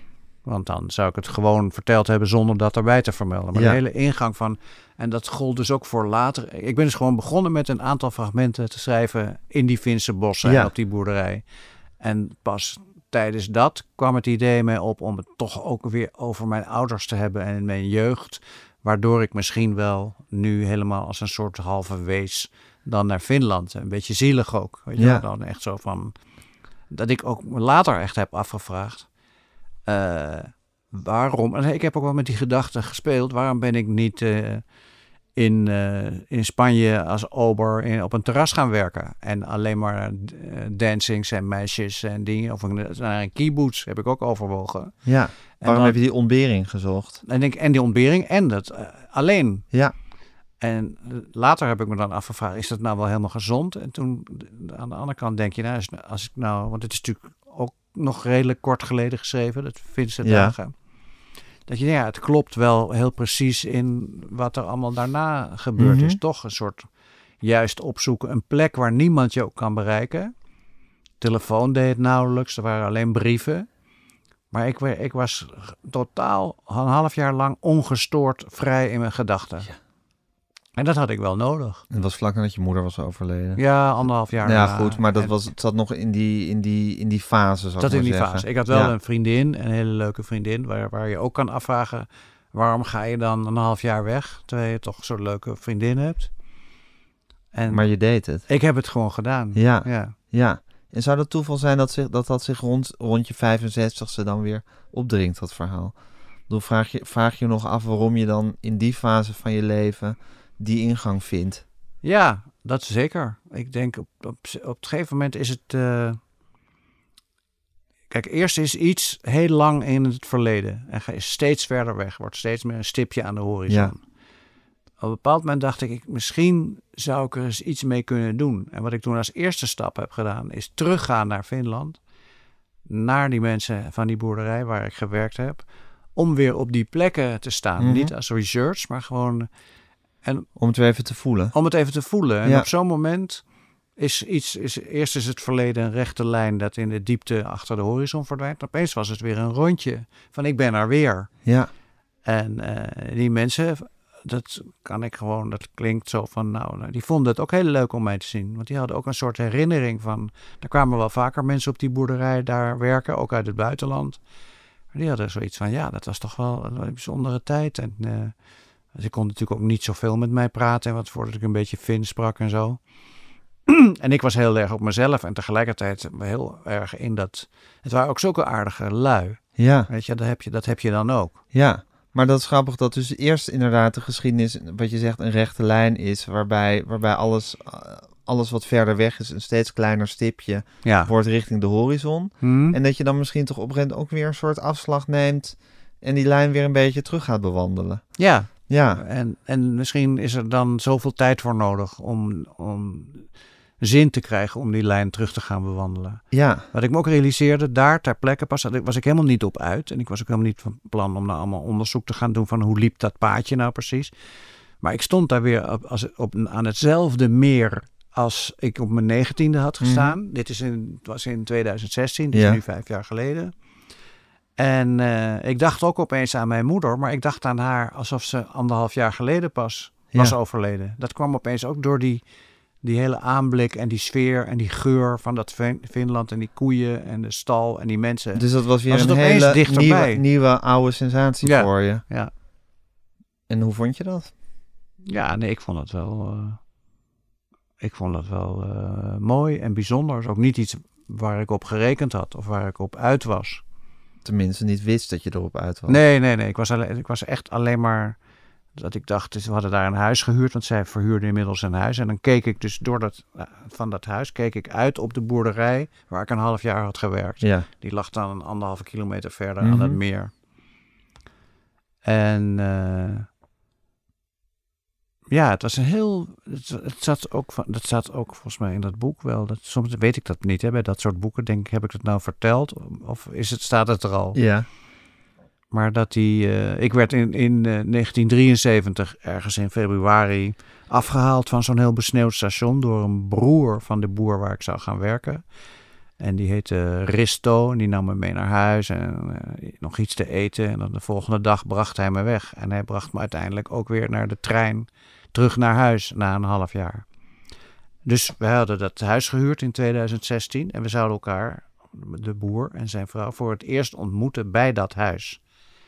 En eh, dus de, aanvankelijk ging allemaal met. Hij sprak geen woord Engels en zijn vrouw moest dan alles vertalen, maar sprak ook niet heel goed Engels. Wij zaten daar het, ge- ge- het gebru- gebruikelijke gesprek van hoe, wat doen jullie? Hebben jullie kinderen? Hebben jullie dit? Hoeveel hebben jullie er nu? En dat en dat. En toen kwam op een gegeven moment de vraag, waar is, hoe is het met eh, Risto? Hoe is het met je broer? En toen zei hij, die is vanochtend overleden. Zie misschien heb ik het toch niet gebruikt in het boek. Want het is net iets te too much, Ja. weet je wel? ja. Alsof je het bedacht hebt. Ja, en Ja. Ik, ik zei dan, maar hoe, wat doen jullie dan hier? Moeten jullie niet? Nee, nee, want het is in het ziekenhuis en zijn zoon komt bij hem. En eh, wij hoeven er nu niet, wij konden wel gewoon hier zijn. Maar dat je dan denkt, die, die iemand, had ik echt gedacht, die moet ik ook ontmoeten. Die speelde wel een belangrijke rol Ja. in mijn leven daar. Want dat was de enige die wel vloeiend Engels sprak. Ja, Maar die kwam, kwam maar eens in de twee weken daar eten. ja, En dan had ik meteen met hem, mm, dan kon ik even snel... eh, ja. Een, een ja. levendig gesprek voeren. Ja, Ja. En die was net die ochtend overleden. Ja. na, na, nou wat was het, lag er toen tussen, de 43 jaar. Het is wat, hè, Herman. Ja, nee, Ja. maar niet, het is wat. Maar het zijn van die toevaldingen, Ja, dat is natuurlijk toeval, zeker. die in een boek heel ongeloofwaardig kunnen overkomen. Maar die, maar die het leven eh, gewoon eh, opdient eh, af ja, en toe. die zijn er dan. Ja. En was je eigenlijk toen je dan zo daar aan dat meer stond en je, en je, en je, je weer even je 19-jarige zelf voelde. Mhm. Want je voelde weer even het verlies van je moeder alsof het anderhalf jaar geleden was en niet, weet ik veel, wat 43 jaar Ja. geleden. Eh, was je toen tevreden over het leven dat je geleid had? Eh, ja, maar dat... eh, Vind je dat je het goed gedaan hebt? Ja, echt, echt wel. En goed gedaan is, klinkt zo van, nou, ik heb toch wel heel wat bereikt. Maar dat is nee, het nee, niet. nee, nee. Het is meer zo dat ik denk met allerlei. eh, misstappen, verkeerde afslagen, zijpaden bewandeld, is het uiteindelijk zijn die zijpaden ook uh, waardevol. Op een gegeven moment Mhm. zie je alles in een perspectief. Wat beschouw je als misstappen in je leven?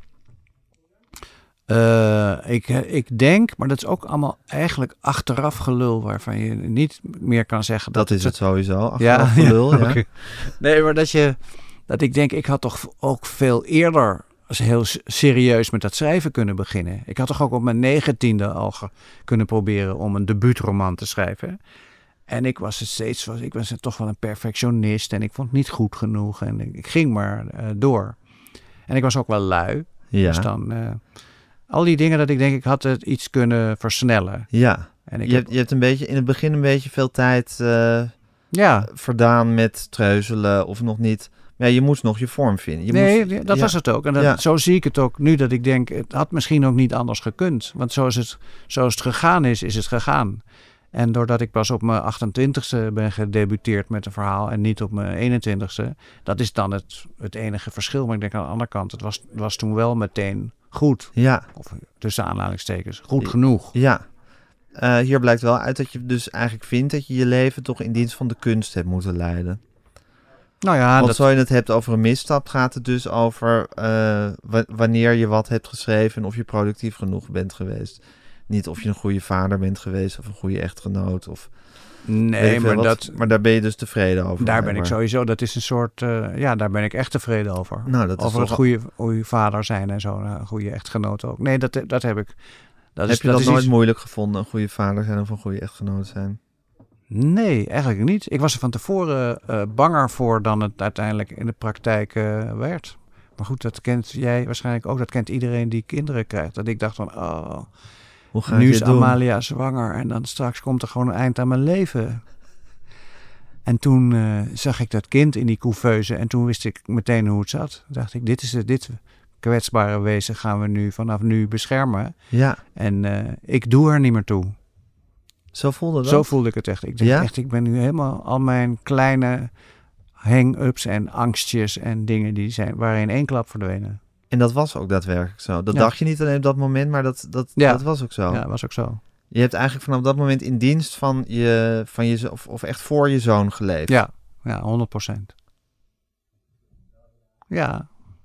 Dat, zo voel ik het wel. En dat wil niet zeggen dat ik dat, dat ook in de praktijk was. Dat ik 100% van de dag op zijn huid zat, op zijn nek zat of zo. Ja. Of hem in de weg zat. Ja. Maar wel dat ik dacht, het moet gewoon, eh, dit moet gewoon, hij moet een zo leuk mogelijk leven hebben. En daar, dat zal ik, eh, en ik zal hem met alles helpen. En het, het juiste vaderlijke advies. En gewoon door, door het, het voorbeeld ook te zijn voor hem. Ja. Ik had ook meteen van die stappen dat ik dacht, ik had een motorfiets meteen weggedaan. Ik gestopt met roken. De echte excessen met eh, flessen whisky ook een beetje minder. Ik, was, ik dacht, ik moet ook gewoon gezond blijven. Als een soort opdracht. Ja, ja. Zoals Flaubert een matig leef- leven leidde om, eh, om, eh, om voor de literatuur te kunnen leven, wat je ook hebt gedaan. Ja, Heb je eigenlijk ook een matig leven geleid om een goede vader te kunnen ja zijn? met, de, met de nodige uitspattingen. En nu is hij inmiddels zo oud dat we gezamenlijk kunnen besluiten om... om uit te spatten. om precies, om even niet een gematigd leven te, le- te leiden. Ja. Maar was een toewijding, Herman? Wat heb je eigenlijk sowieso dus aan de literatuur en aan het vaderschap een grote toewijding gehad in je leven? Ja, ik geloof dat ik, ik vind het niet eens zozeer een toewijding als gewoon iets dat je dat weet dat je dat graag wil doen. En dat het dan ook iets is dat je voor een ander doet, waardoor dat, dat geeft gewoon een heel prettig gevoel. Ja, En dat je dus, ik heb dus nooit gedacht van nu huilt de baby, dus eh, morgen kan ik niet schrijven. Maar altijd gedacht van ja, dit is gewoon het leven. Dit is zo, moet je dat accepteren. En dan ga je maar aan een ander tijdstip, ga je maar als je dat vindt dat het nu moet. Of dat dat zo belangrijk is. ja. Je vond alles onbelangrijk vergeleken bij gewoon dat dat, dat kind er was. Ja, Ja. ja, helemaal. Je dacht niet van verdomme, nu had ik eigenlijk dit en dit. Nee. Nee, nee. En ik heb ook, ook meteen gemerkt dat ik ook veel eh, efficiënter ging werken zodra ik dus eh, dat kind had. Ja, Steeds meer denken van, zeker toen ik iets ouder en dan al naar de crash, dat ik dacht ik moet gewoon zorgen dat ik, dat ik klaar ben voordat ik hem van de crash ging ha- halen. En ik was natuurlijk wel altijd thuis. Ja, in het begin niet. En toen was er nog wel veel Jiske vet drukte en dan was ik soms avonden weg en zo. Dat was wel soms een tijd, maar goed, dat konden we wel een beetje oplossen. Ja, maar in principe was het... En dit, dit boek, eh, je nieuwe boek, Een film met Sofia, gaat... Ik moest trouwens best wel vaak aan de film Druk denken toen ik het boek las. Ja, Waar, waar je net eergisteren heen bent geweest. Omdat het ook heel erg gaat over het, eh, over het ouder worden, ja, vind ik. ja nou, over, over een man die, eh, ja, die het grootste deel van zijn leven achter zich heeft. Nog even een soort opflakkering van liefde voelt voor, Ja. een, eh, voor een veel te jong meisje. En daarvan nou, in allerlei verwarring raakt. ja. Ehm nou goed, dus niet het hele, hele boek eh naar vertellen. Maar vind jij het eigenlijk erg om oud, oud eh, te worden? Nee, niet echt. Ehm, ik heb wel eens dat. Ik, nee, ik vind het eigenlijk zoals het, zoals het gaat. Dat ik denk ook een bepaalde rust die ik heb gekregen met dat oud worden. Denk ik, zou ik ook niet graag eh, willen missen. Want dan zie ik mezelf als 28-jarige. En dan denk ik, was ik toch e- eigenlijk veel ongelukkiger, ongelukkiger en onzekerder dan nu. Omdat alles me nog te wachten stond. En zo. En die spanning van, gaat het wel goed? Ja, gaat nu- het wel lukken? Gaat het wel lukken, Ja. precies. En nu denk ik eh, alleen maar, eh, ja, je moet gewoon, de, je moet gewoon accepteren eh, waar je bent in, in de tijd. Ook in je eigen leven. Je moet gewoon dat, hoe, hoe meer je dat gewoon accepteert, hoe beter. En hoe prettiger je daarbij voelt. Dus ik, voel me eigenlijk heel prettig bij die leeftijd. Ik denk ook wel van, nou, dat, bij wijze van spreken kan het nu binnen nu en korte tijd afgelopen zijn. Het kan ook nog wat langer duren. Dat is allemaal een beetje waar je ook geen, geen controle over hebt. Maar ik heb een, een, een, in ieder geval een soort eh, rustig gevoel. Dat ik denk voor mijn zoon, die morgen eh, 27 wordt, zou het, het zou voor hem heel goed zijn als ik er wel nog een tijd blijf. Ja. Gewoon, gewoon langer er ben. Omdat het gewoon eh, leuk is. En omdat we het eh, samen leuk hebben. Dus dat is, dat is de enige soort doel wat ik heb met eh, lang in, langer in leven proberen te blijven. Ja, want je vindt dat je, bedoel, ik neem aan dat er nog een hoop boeken komen, maar je vindt dat je in essentie geschreven hebt wat je, wat je moest schrijven. Jawel. Nou, Vraag ik dan? Nou goed. Ja, nee, ik heb misschien wel nog- erg definitief, maar Mhm. Nou goed. En, dus, en, en je vindt dat je een fantastisch leven hebt gehad, dus waar- waarom je vindt dat je nog moet leven, is om er voor je zoon te zijn. Ja, dat ik toch wel denk. eh, eh, in eerste instantie denk je natuurlijk bij kinderen, als ze, als, ze, als ze 8 en 9 en 14 en 18 zijn, denk je, het zal toch niet gebeuren dat opeens een van die ouders er niet meer is. Nee, Dat is niet goed. nee. En, eh, en, dan worden, en nu denk ik, ja, hij staat gewoon op eigen benen. Maar het zou nog steeds niet leuk zijn. Nee. Hij kan beter eh 40 zijn. Ja, en dan is het nog moeilijk. Ja, maar dat Maar is een redelijke leeftijd om je, om je ouders te verliezen. Ja, dus zo'n soort eh, doel heb ik wel. Dat ik denk, eh, laat ik proberen. Dus ik hoe lang moet ik dan nog? Nou, nog Al 13 jaar. Nou ja, precies. En je vindt dood zijn geen angstaanjagende gedachten? Nee, nee. Helemaal niet. Nee, echt niet. Nee, ben ik niet mee. Ik denk, ja, angstaanjagend. Ik, ik, zou, ik hou me daar niet mee bezig. Ik denk, op een bepaald moment gebeurt dat. Ja, Net zoals je doodmoe bent en je gaat liggen. ja, Ga je op een gegeven moment liggen en word je niet meer wakker. ja. In het gunstige geval. En dan zit je in hetzelfde niets als waar je was voordat je geboren werd. Ja. Dat is toch ook geen angstaanjagende periode Dat is het ook nog, ja. Ja. Precies, ja. Je denkt van, en al die, al die dingen die je niet, de middeleeuwen die je niet hebt Nee, meegemaakt. precies. Ja. Of de Beatles in mijn geval. Nou ja. Ja. Is dat zo? Heb je die helemaal niet meegemaakt? Nee. Nee. Die waren al uit elkaar toen ik geboren werd. Ja, dat is wel... eh, Dat is wel jammer. Ja. Maar goed, je kan niet alles hebben in het Ik heb dat een beetje met de Tweede Wereldoorlog. Ik heb Ja, dat, dat schrijf je ook nog in dat boek. Dat, Hmm. je dan, dat je dan eigenlijk... eh, want de filmregisseur in het boek heeft dezelfde leeftijd als jij. Ja, Uit 53 is hij. Ja. En dat hij, dat hij zich op een gegeven moment... dat, dat zou zeggen, in zijn jeugd de Tweede Wereldoorlog ontzettend ver weg lijkt. En Mhm. op een gegeven moment realiseert hij zich... Het was, eh, Hitler was maar acht Precies. jaar voordat ik geboren werd. vlak daarna. Nu- Overleden. Eigenlijk ben ik vlak daarna gewoon geboren. Ja, dat is ook zo. Ja. En ik heb dus eh, eh, drie halfzussen en een halfbroer. eh, die allemaal wel hebben meegemaakt als kinderen. En daar maken we wel eens flauwe grappen over. En zij ook. Wat voor flauwe grappen maken jullie erover? hoe dat is om Hitler mee te maken? Nee, nee, maar gewoon het, Of het hoe oud idee- ze zijn? Ja, nou, dat ook wel. Maar ook de, de, de intensiteit van wat zij beleefd hebben. In, dat is in Arnhem tijdens de slag om Arnhem. En dat meegemaakt en dan geëvacueerd. En de intensiteit van die tijd waar Ja. me ook iets bij voor kan stellen. Ja, Gevaar, te weinig eten, al die, dat, soort, dat soort dingen. En, eh, dus ik, en ik maak dan grappen dat ik zeg van ja, het is jammer, ik was te klein. Ik hoorde alleen het kanongebulder vanuit mijn wieg stond dan te schudden. Dan hoorde ik het kanongebulder bij de brug over de Rijn. En dan, het gaat niet goed met de Engelsen worden teruggedreven. En dan, als ik dat wel eens vertel, zie ik mensen, als zij er dan bij andere mensen echt zo kijken van, Herman, maar jij bent, jij, Ja. jij bent toch niet... 53. Ja. ja. Maar goed, je hebt Hitler niet meegemaakt. Niet meegemaakt. Ja, je kan niet alles hebben in het leven. Nee, Nee. Sommige pleziertjes worden je nou eenmaal ontnomen. Maar goed, je vindt het ouder worden vind je dus eigenlijk geen, eh, geen straf. Maar ik geloof dat sowieso, als ik, als ik, als ik het zo ehm terug redeneer, is zou ik zeggen...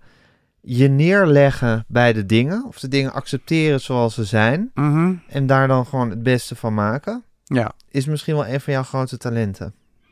Nou, dat vind ik heel goed eh, gezegd. Heb je mooi ge- gezegd. Ja. Het is, daar ben ik het helemaal mee eens. Ja, Je neerleggen, ja. ja, Dingen overkomen je, mij dan, Ja. overkomen me. Meer Ja. dan dat ik eh, iets heb gestreefd en wat dan half lukt of wel lukt. ja, en je er ook niet spartelend tegen verzet. Nee. Dus je krijgt een zoon en dan weet je, oké, ik ben nu zijn vader. Dat is mijn taak. Dat is eh, een van de, misschien wel de belangrijkste taak die je als mens kan hebben.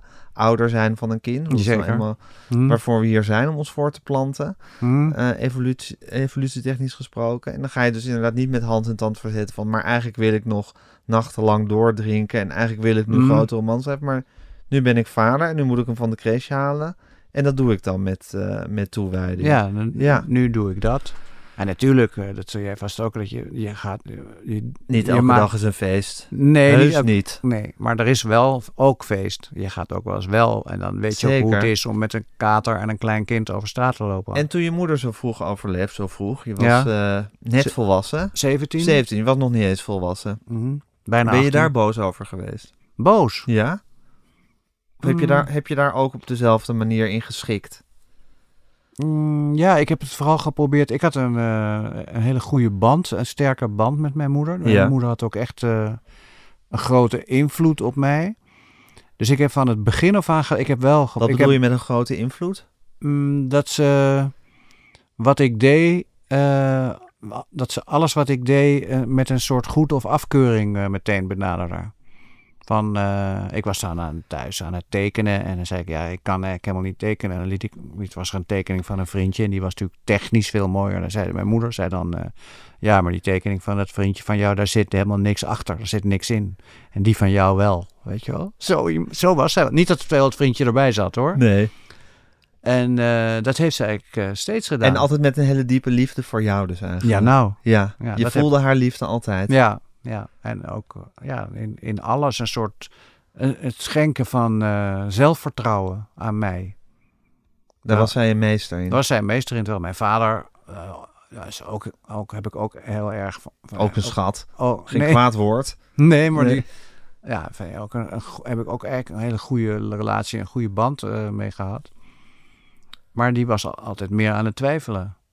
Dus die sprak zijn twijfels uit of ik nou wel... En als ik dan bijvoorbeeld zei, ja, ik, wil, eh, ik zei ik al veel jong, wil ik schrijver worden. Ja, maar ga dan eerst studeren met het idee van je zult wel eh, armoede, in armoede eindigen. Daar Ga- was hij bang Ga voor. dan in ieder geval rechten studeren. En dan kun je altijd nog kijken wat het met, dat, met die schrijverij wordt. Ja, terwijl ik dacht, eh, ik, nee, ik wil meteen, ik wil niet, niet eh, studeren. En mijn moeder, die was... was dus toch ook al overstrooid met dat zelfvertrouwen dankzij je moeder. ja, Waardoor je wel dacht, er zit een groot schrijver in mij. Heus wel. ja, Ja, ja voor, een, voor een deel wel. Ik liet ook altijd, ik liet ze aan allebei hoor. Dan schreef ik ook wel verhaaltjes en dat liet ik ze dan lezen.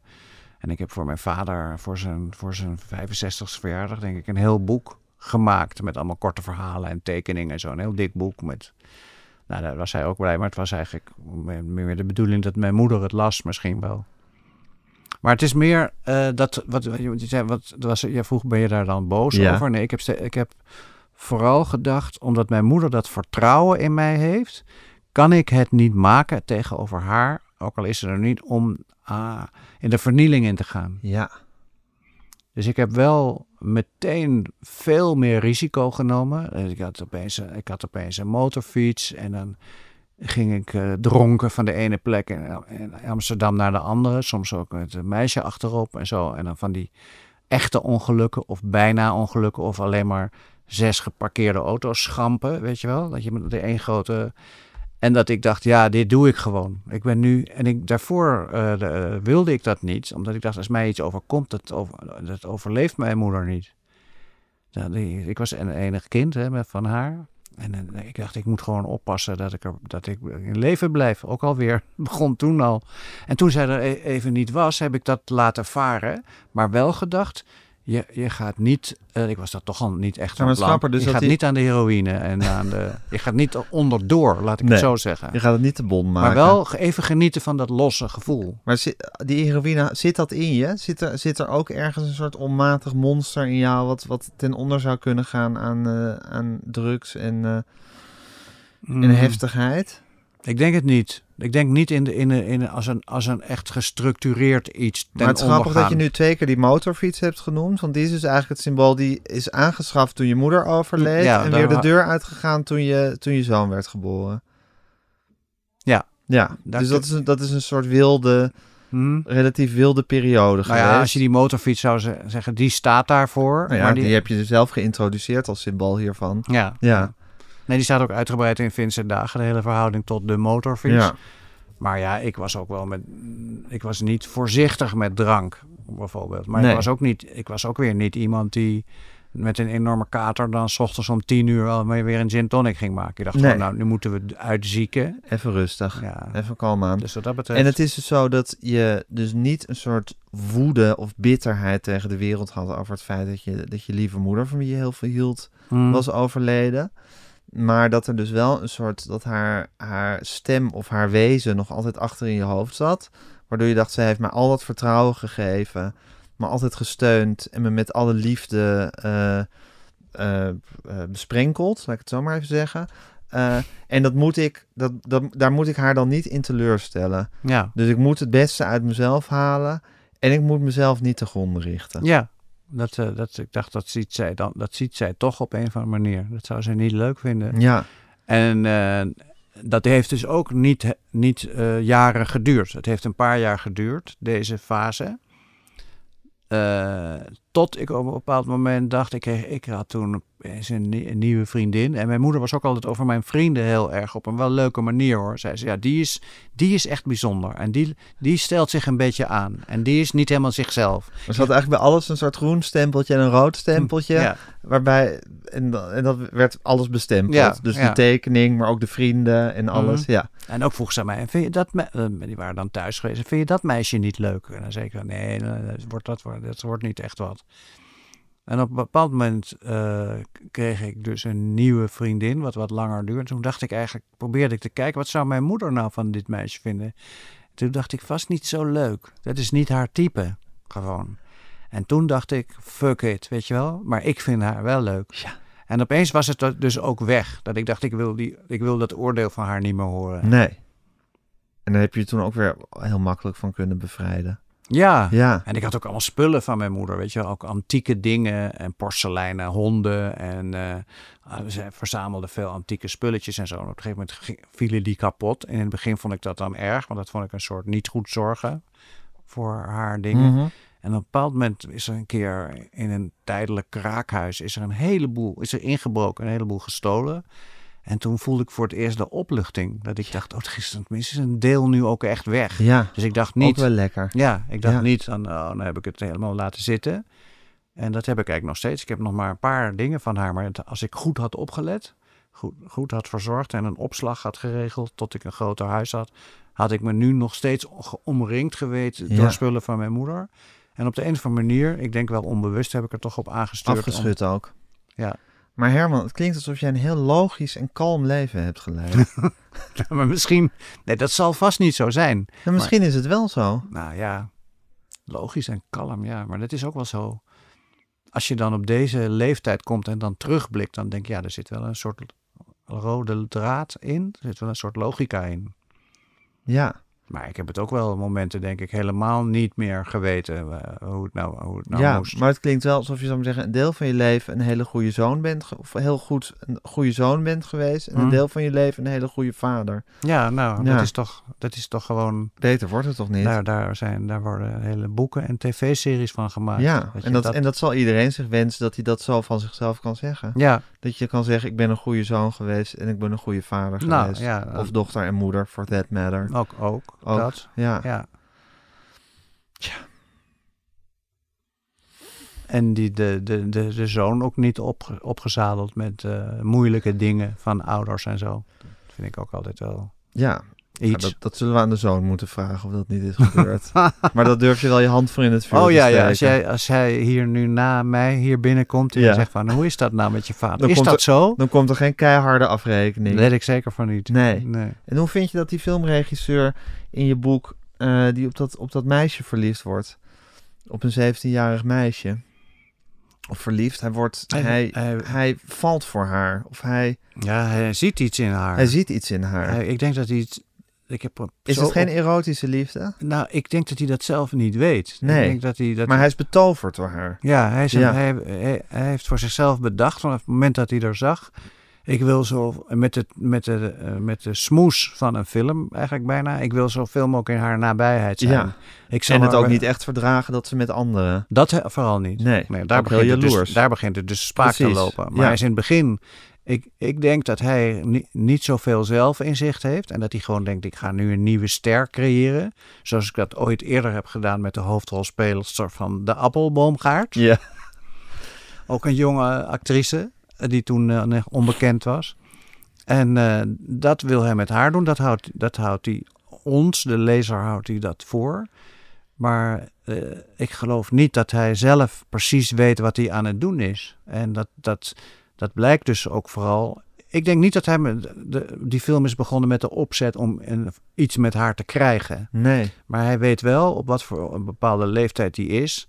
Zo is er, ik denk dat er genoeg mannen zijn, bijvoorbeeld van mijn leeftijd, die denken: God, wat een leuk meisje, maar ik ga toch echt niet met haar Nee. de club in. Dat, Nee. ziet, dan is het gewoon een leraar aardrijkskunde die met een le- leerlingetje. Of een opa. Een opa vooral. Ja. Nog meer een opa dan een. Meer dan een maar je kan vader zo- nog. zo- precies, je kan zo, dat, dat zegt hij ook zelf. Maar je kan ook meer denken: dit is mijn opa. Waardoor er tegelijkertijd ook minder verdacht naar wordt gekeken. Want Ja. het is gewoon een opa. Ja. Dat is niet een oude, oude vieze man met een heel jong meisje. Nee.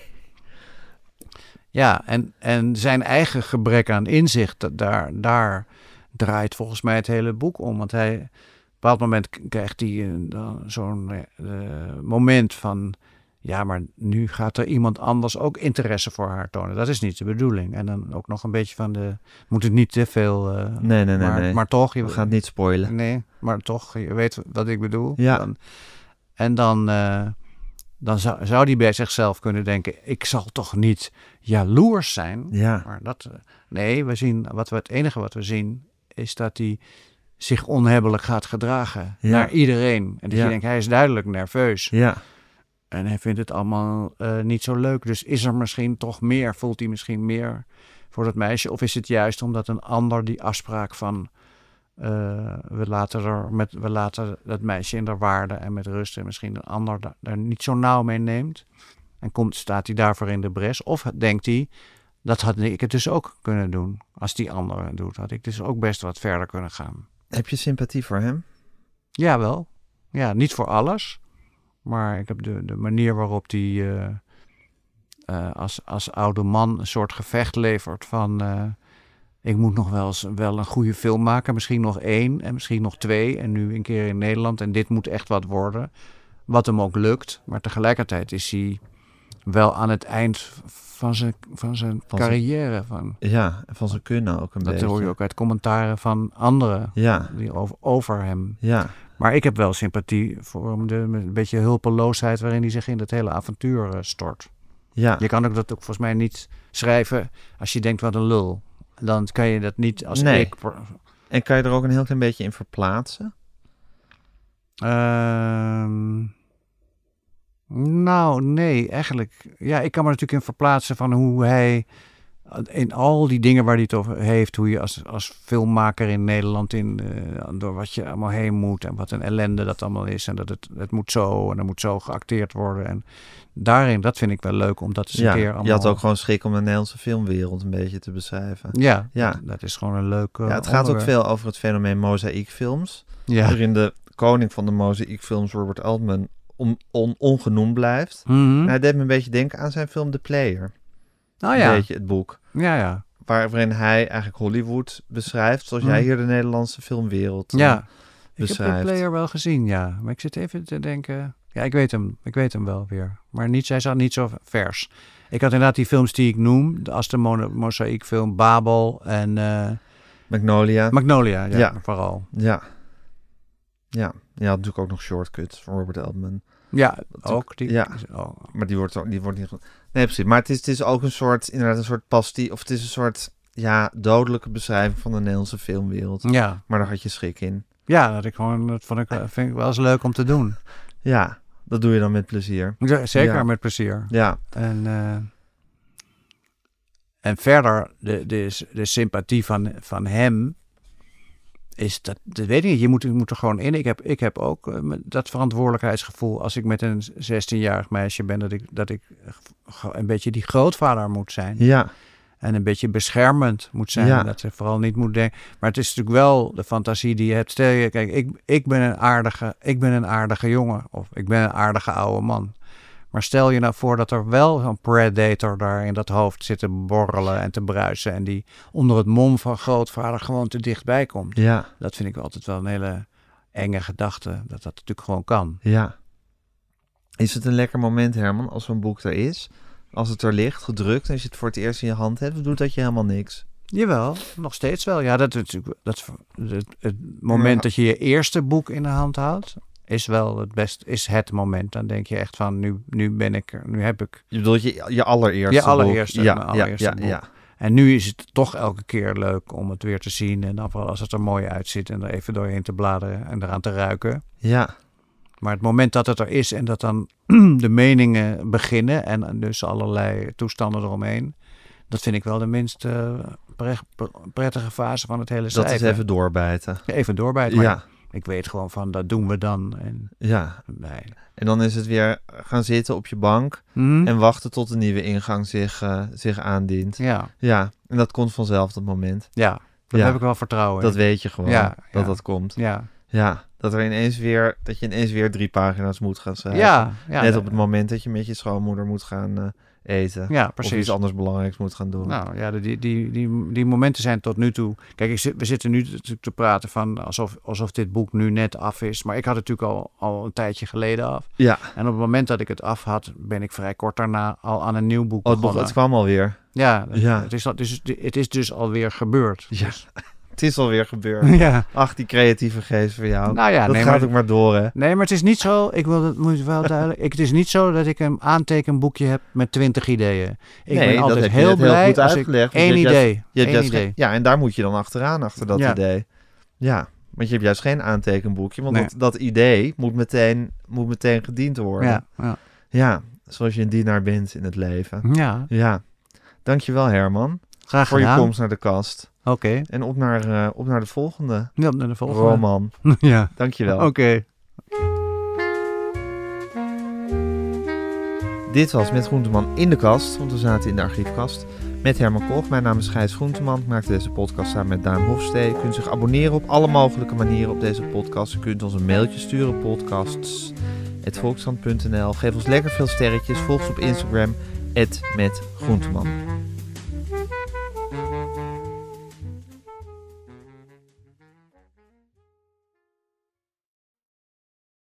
Sta ik echt open? Open voor de wereld om me heen? Of kijk ik weg wanneer het ongemakkelijk wordt? Luister ik naar elke stem of sluit ik me af voor het geluid dat me uitdaagt? Met de Volkskrant voel ik me verzekerd van een open vizier op de wereld om me heen. Open je wereld. De Volkskrant.